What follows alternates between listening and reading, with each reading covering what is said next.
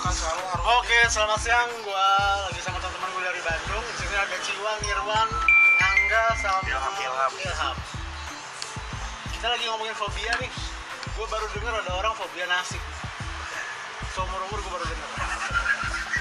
Hidup lo parah nih. Indonesia tuh makan apa aja ada.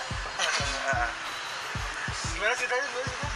ya dari kecil awalnya sih ya kan tinggal di Bali lahir di Bali. Eh, pembantu mungkin agak jorok ya suka di jijik gitu. Nah jadi eh ada gua kalau luka keringnya lama. Ayam aja. Mobil ayam ya, bukan makan ya. telur